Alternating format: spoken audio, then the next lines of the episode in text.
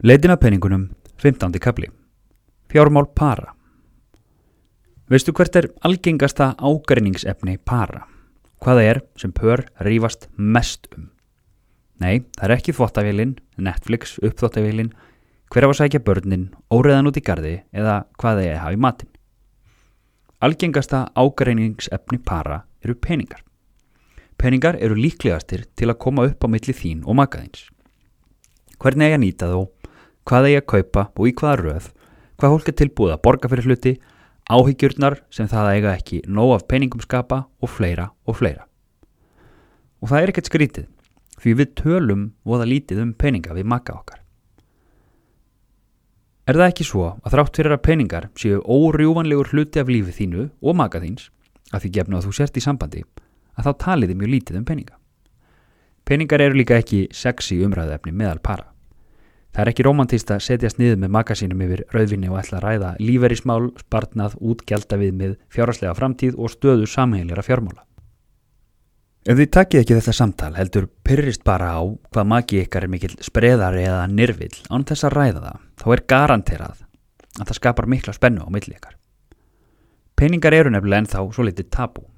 Þess vegna er ótrúlega mikilvægt fyrir fólk í nánum parasamböndum að ræða um peninga. Ekki vera með peninga á heilanum en ekki sleppa því alfarið að tala um þá því þér finnst það óþægilegt. Þið þurfið að tala um peninga. Þetta er auðvitað ekki eitthvað sem þú dregur upp á fyrsta stefnumóti. Hæ, gaman að hitta þig. Ég heiti Gunnar og ég legg 25% af laununum mínum til hliðar í spartnað og vil að magi minn geri það líka. Erum við að tengja? Þetta er ekki vænlegt til árangurs. En eftir því sem sambönd verða nánari og líf para verður samopnara, þeimur mikilvægara er að ræða peninga. Það má horfa á það sem viðmið að taka þetta samtal áður en þið ákveðið að kaupa saman húsnæði eða áður en þið ákveðið að eignast saman barn. Þegar alvaran í samböndum er orðin þetta mikil, þá er óábyrgt annað en að eiga samtal um peninga og fá fram sín hvors annars á peninga. Ef þið eru komin yfir þessa punkta og hafið ekki átt samtalið, þá er rétt að hlaða í það sem fyrst. Ekki í neinum æsingi því það gæti virkað skrítið, heldur bara rólega og yfirvegað. Ef það þarf að vinna einhverja grunnvinnu áður en samtalið getur átt sér stað, þá mæli ég með samtölum í leitinni að penningunum við Berglindi Guðmundsdóttur annarsvegar og Elfu Ósk Víum hinsvegar hérna í leitinni að penningunum. Í þeim þáttum, sérstaklega í þar sem rætt var við Berglindi, kemur í ljós hvað getur gerst ef þetta samtal á sér aldrei stað. Og ef þú getur nálgast áskrifta mokkanum, þá mæli ég með að hlusta á viðtal þessar sömu Berglindar við þann sem þetta les í þættinum dagmál. Yfirskrift þáttana er mjög viðegandi og hún er, en ef við hættum saman, hvað þá? Ef þið eru mjög ósamála um fjármál þá getur verið gott að setja niður ákveðin viðmið.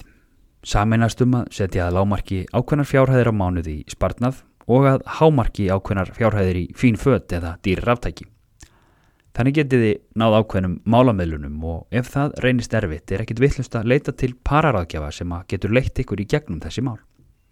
Ég hef allavega heyrt margar vittlusari leiðir til að nota peninga. En ef þið takið ekki þetta samtal þá eru þið búin að ákveða að leifa óvissunni að ráða um hvernig þið viljið haga ykkar fjármálum. Og það er alltaf versta ákveðunin. Eitt slæmt sem getur komið út úr því að eiga aldrei þetta samtal er að annar helmingur parsins sér alfarið um fjármál heimilisins. Það er skelvileg staða, sérstaklega ef það er ekki meðvitið og upplýst ákveðunum að hafa hlutinu þannig.